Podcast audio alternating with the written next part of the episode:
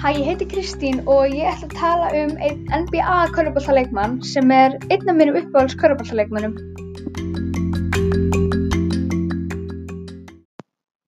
NBA er besta körfuboltaliðið í heiminum, þess vegna geta einungis bestu leikmennirnir komist inn í hana. NBA var stofnuð 1946 þann 7. júní í Ameríku. En leikmaðurinn sem ég ætla að tala um er Kobe Bryant en Kobe Bryant var mjög góður leikmaður. Kobe Bryant fæddist í Pennsylvania þann 23. ágúst 1978. En hann komst inn í deildina árið 1996 þegar hann var bara 17 ára gamall. Hann spilaði sem skotbakurur með Los Angeles Lakers sem hann hafði spilað með í 20 ár. En áður en hann fór í NBA var hann í háskólanum Lower Merion High School og var mjög efnilegur þar.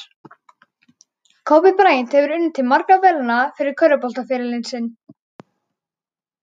Hann hefur til dæmis verið fimm sinnum NBA-meistari og tvisvar í NBA Finals og svo margt, margt, margt fleira. Kobe Bryant átti þrjár dætur. Það voru það Natalia Bryant, Gianna Bryant og Capri Bryant. Konan hans Kobe Bryants hét Vanessa Bryant en þau giftu sig átjánda apríl tvö þúsund og eitt.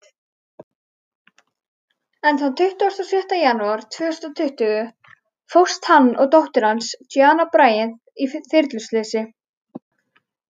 En þau var á leiðinni að keppa með Gianna Bryant og liðinu hans Kobes Team Mamba. Gianna Bryant var mjög góð í körfubolta og hún hefði náð mjög langt ef hún hefði ekki dáið.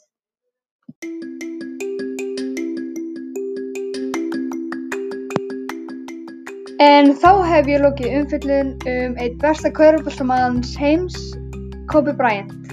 Takk fyrir mig.